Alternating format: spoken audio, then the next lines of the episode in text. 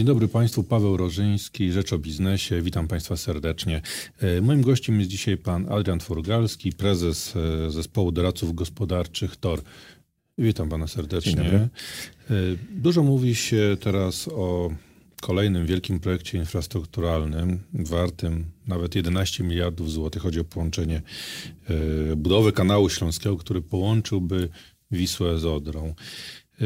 To jest strategiczny mm, pomysł, strategiczny projekt rządu. Co pan sądzi na ten temat? Czy, to, czy takie inwestowanie w wodę ma sens w dzisiejszych no, czasach? Dużo się mówi, nie tylko o tym kanale, ale generalnie o tym, żeby rzeki stały się znowu e, żeglowne i tutaj kwota e, tych zmian, które byłyby e, potrzebne, nie jest dokładnie określona, ale mówi się, że to nawet byłoby 100 miliardów złotych. No i znów przez 4 lata się mówi i nie sądzę, żeby coś się tutaj zaczęło dziać. Po pierwsze, to jest olbrzymi wydatek inwestycyjny, bo jeżeli mówimy, że będzie spływał towar barkami, rzeką, to jest bardzo tanie. E, tanie pod warunkiem, że się nie weźmie pod uwagę tych e, inwestycji.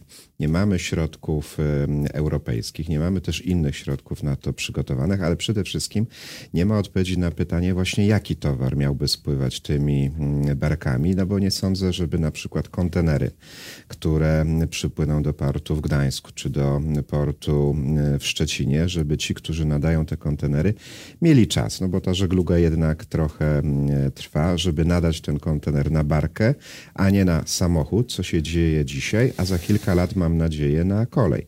Dlatego, że e, no, na przykład takie pytanie. My dzisiaj sieć kolejową dla przewozów towarowych mamy o bardzo niskich e, parametrach, dlatego wszystko właściwie to, co wyprodukuje gospodarka idzie na drogi, no bo średnia prędkość na przykład samochodu ciężarowego jest w okolicach 60 km na godzinę, a pociągu towarowego 22 km.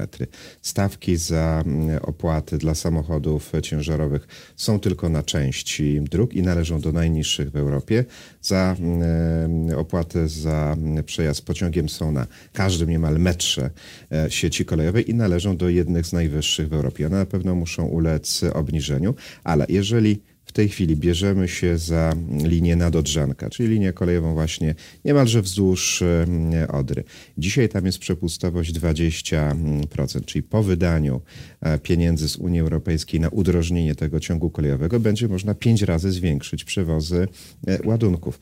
No to po co równoległy ładować ciąg? Już też pomijam, że mamy drogę S3, gdzie te towary też się przemieszczają. I to jest takie właśnie podstawowe pytanie, że powiedziano tak, będą ładunki masowe się przemieszczać, ale jakie? Skąd dokąd?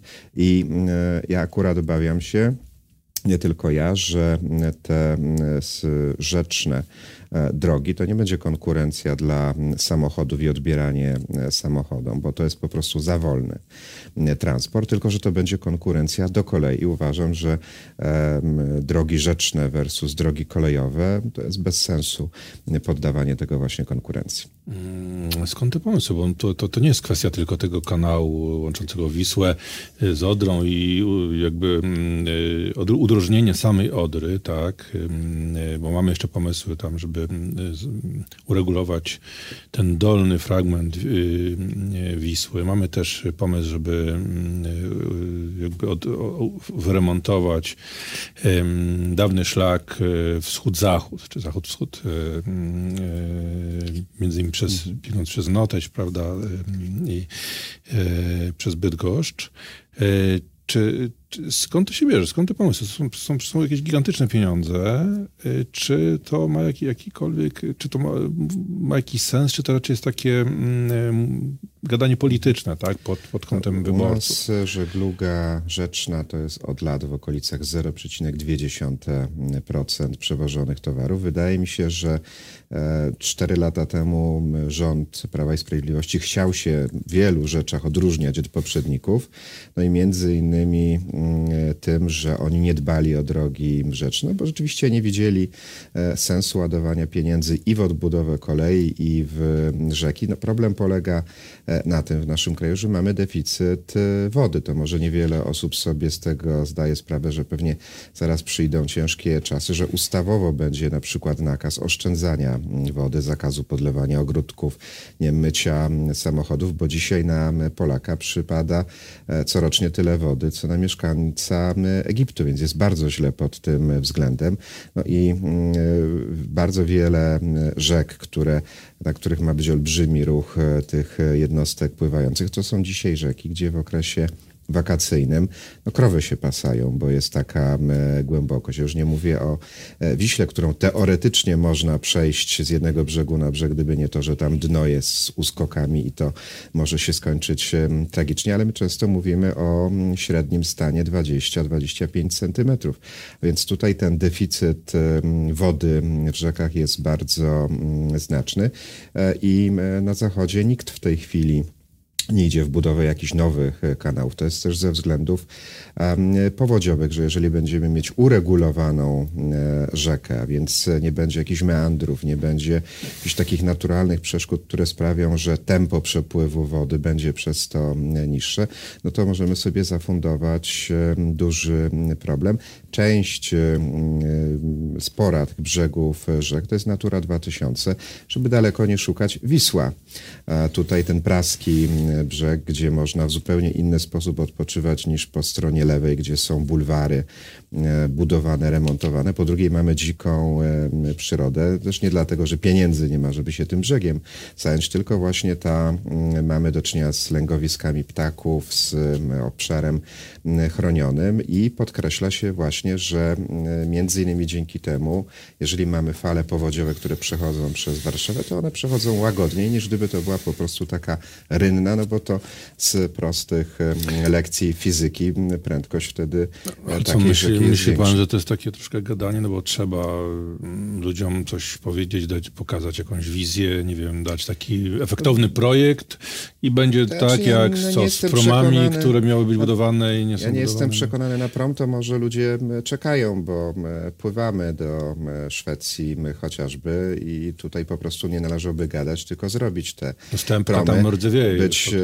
a chyba nie wiem, czy rdzewieje, czy nawet jej ktoś nie ukradł. Zdaje się, że już tam jej nie, nie ma, ale być może te promy nie powinny być produkowane nawet w naszym kraju, no bo ten, kto ma kupić, e, też musi patrzeć na rachunek ekonomiczny. Póki co jednak, czy Chiny, czy Korea, tam powstają e, tańsze, tańsze generalnie tego typu jednostki. U nas też nie ma kim tych promów budować. No mówi się o tym, że mielibyśmy Filipińczyków na przykład sprowadzać kilka tysięcy do tego, żeby ta produkcja tutaj trwała. Proszę zwrócić uwagę, że przez te cztery lata myśmy się nie posunęli jakoś specjalnie, jeśli idzie o te drogi wodne.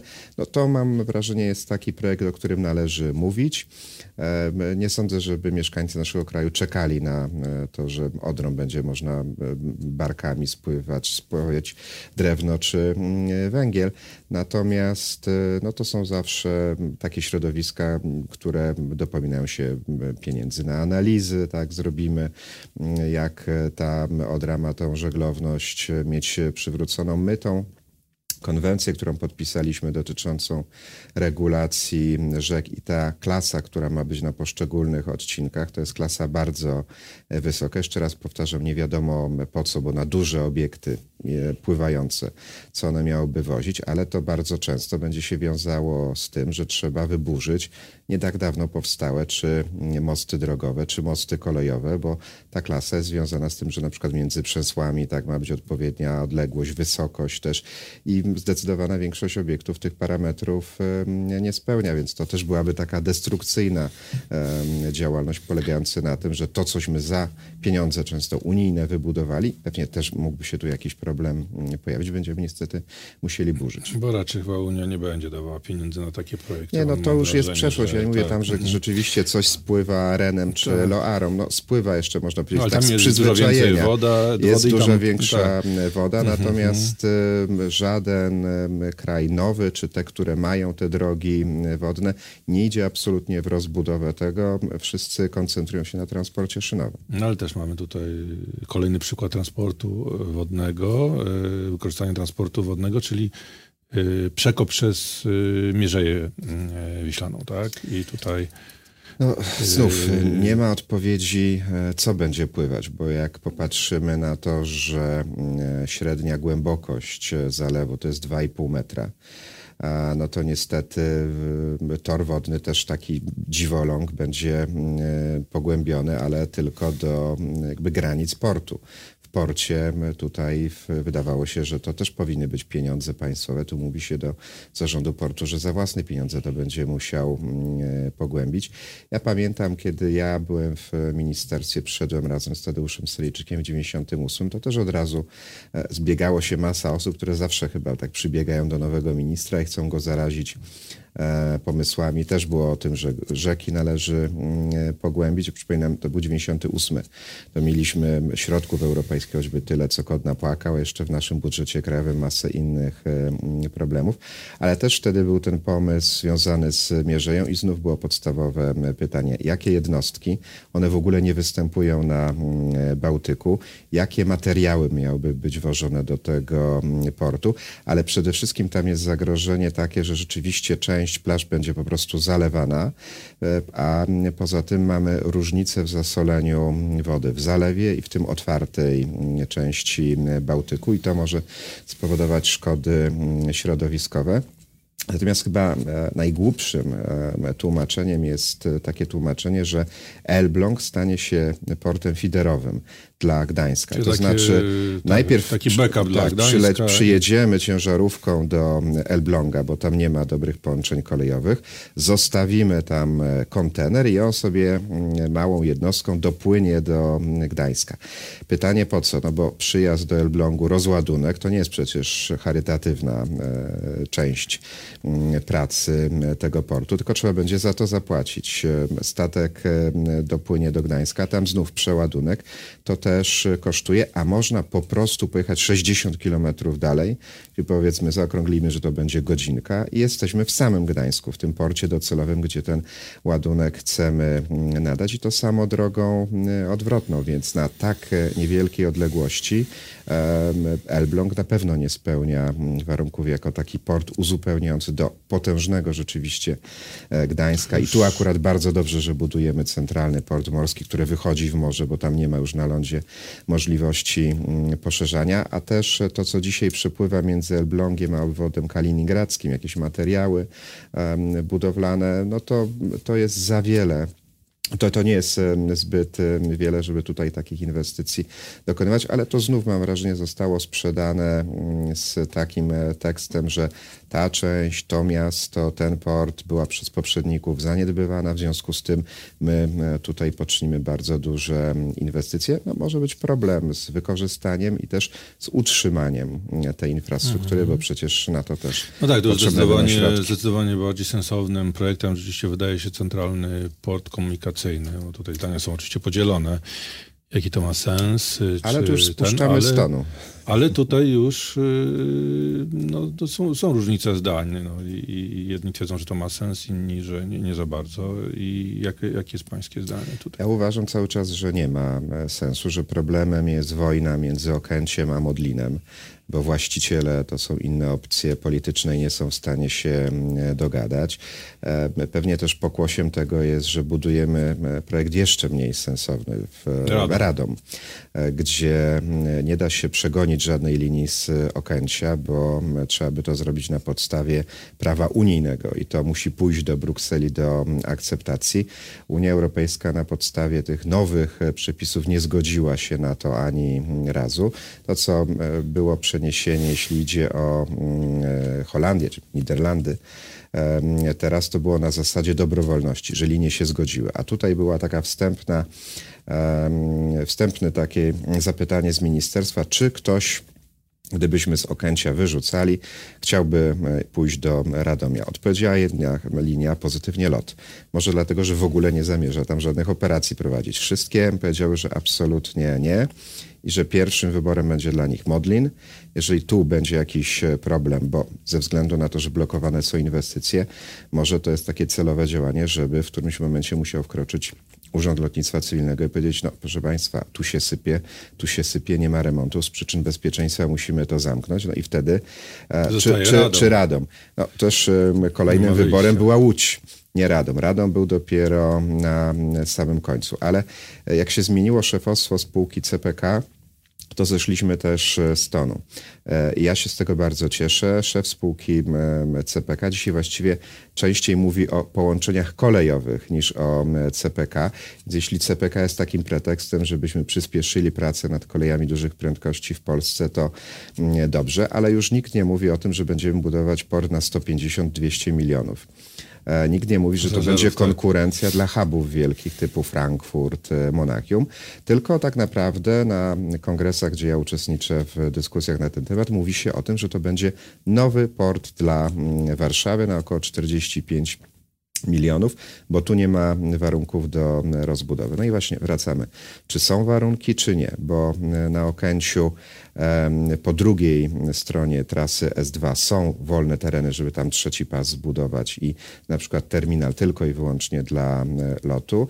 Jak mówię, gdyby Modlin był we wspólnym zarządzie, to podział ruchu między te e, lotniska byłby na pewno łatwiejszy niż pomiędzy Radą, no ale tego wariantu nikt e, no, ale nie kwestia hałasu jest też... E, jest, no. oczywiście, że jest kwestia hałasu, no i to chyba jest ten najważniejszy problem, z którym generalnie się spotykamy przy takim położeniu lotniska. Czy to jest przeszkoda do życia w mieście, czy też jest to plus, bo bardzo blisko położone centrum, połączone połączeniem kolejowym z centrum, E, miasta. Większość jednak odpowiada, że to jest atut. Większość warszawiaków, no oczywiście ci, którzy nie widzą z balkonu tych samolotów latających nad nimi, nie wyobraża sobie, żeby to lotnisko było mm, zamknięte. Tutaj na pewno będzie sporo mm, awantur i o próbę wyrzucenia linii czarterowych, chociaż część już sobie e, tam stara się zająć miejsce w Modlinie, bo Zresztą po raz pierwszy w lipcu Okęcie straciło pasażerów w stosunku do tego, co było rok wcześniej, a w sierpniu ruch wzrósł o niecały 1%, dlatego że e, bardzo duża część właśnie przewoźników czarterowych zaczęła operację w Modlinie, jakby szukając sobie tam miejsca, bo bez rozbudowy tam jest coraz e, ciaśniej. Warszawa powiedziała, że w życiu nie odda tego lotniska i że nawet znajdzie jakieś kredyty, pieniądze, będzie starała się odkupić to lotnisko od PPL.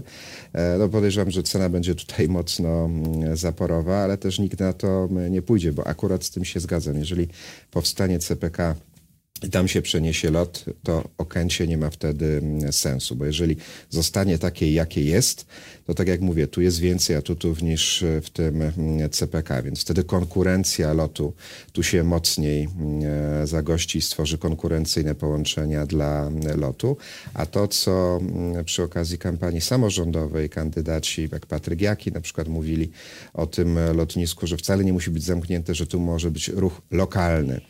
E, lub ruch krajowy. No, wydawało się, że to jest e, to samo. E, no to też się kupy nie trzyma, dlatego że na pokładach samolotów dzisiaj lotu tych mniejszych około 50% to przynajmniej to są pasażerowie, którzy potem się przesiadają do tych większych maszyn i lecą na przykład do, do Chin, do, do Stanów Zjednoczonych. No i tak olbrzymi port rozbudowany na pewno nie będzie w stanie utrzymać się tylko i wyłącznie z ruchu e, krajowego. Jeszcze na koniec zapytam pana o, mm, o to, czy już tą mm, falę tych problemów drogowych mamy za sobą. Ta kumulacja, która nastąpiła były zejścia z budowy, było wyrzucanie z budowy, tak? I, i czy to już jest za nami?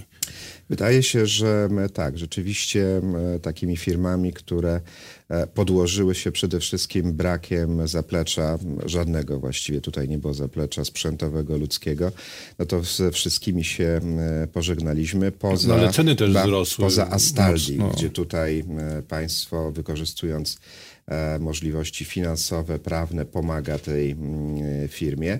Natomiast my do dokończenia mamy 144 mm, kilometry. Tyle zostało w tych kontraktach e, zerwanych, a buduje się około 110 kilometrów autostrad i 950, 950 kilometrów dróg ekspresowych, więc widzimy, jaki to jest e, procent. Są jeszcze takie jeden czy dwa przypadki mm, firm, które mają trudną sytuację mm, finansową.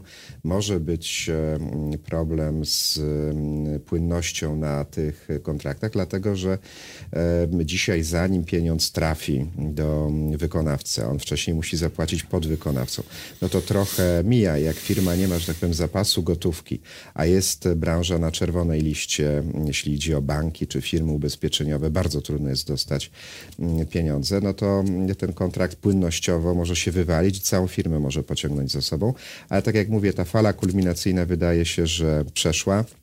Mamy też uspokojenie sytuacji, jeśli idzie o ceny. Znaczy nie ma spokoju minister, bo on musi cały czas dorzucać więcej pieniędzy e, z tego powodu, że mm, te kosztorysy, które są w mm, programie budowy dróg krajowych i autostrad e, nie są przeliczone na nowo. Zresztą mm, z miesiąc temu pytałem ministra w Sejmie, powiedział, że na pewno za kwotę 135 miliardów tych dróg, które są w programie nie wybudujemy. Dorzucił do tego rząd ponad 7 miliardów, z czego 5 miliardów ma iść na dopłacenie do e, tych e, przetargów, gdzie otwarto e, oferty i okazało się, że jest po kilkaset milionów złotych drożej. Materiały też już się ustabilizowały. To co jest niebezpieczeństwem i co wydaje się też z przyczyn politycznych było przy okazji kampanii, kiedy o tym były dyskusje, ignorowane, to jest siła robocza. Od pierwszego Czesi już wyciągają od nas e, mm, Ukraińców, e, płacą im więcej.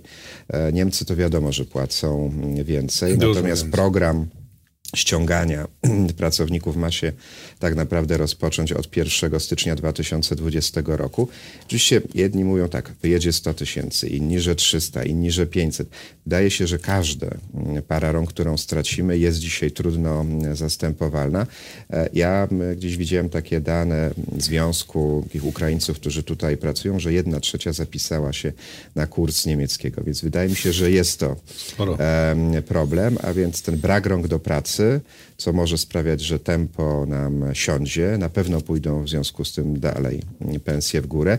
No i też e, mamy zapowiedzi, jeśli idzie o płace, tak, minimalne miesięczne, kolejny... godzinowe, więc tutaj te koszty będą Jeden większe. pożar udało się gasić, przynajmniej Tylko, zagasić. że te, te koszty sobie funduje państwo, dlatego, że akurat jeśli rośnie problem. coś, o czym państwo decyduje, ZUS, VAT czy płaca minimalna, to to z mocy ustawy musi być zwaloryzowane. Więc tak naprawdę podsumowując, dobrze byłoby poznać, ile tak naprawdę program budowy dróg będzie nas kosztował, program budowy też linii kolejowych, modernizacji linii kolejowych, bo tutaj kolejny raz dorzucamy pieniądze, a finalnie jak to będzie wyglądało, to jeszcze poza takimi przymiarkami, że to może być 20-25 miliardów, ale tak naprawdę jeszcze Wciąż nie, nie wiemy. Dziękuję panu Dziękuję. bardzo za rozmowę. Moim gościem jest pan Adrian Furgalski, prezes zespołu doradców e, gospodarczych TOR.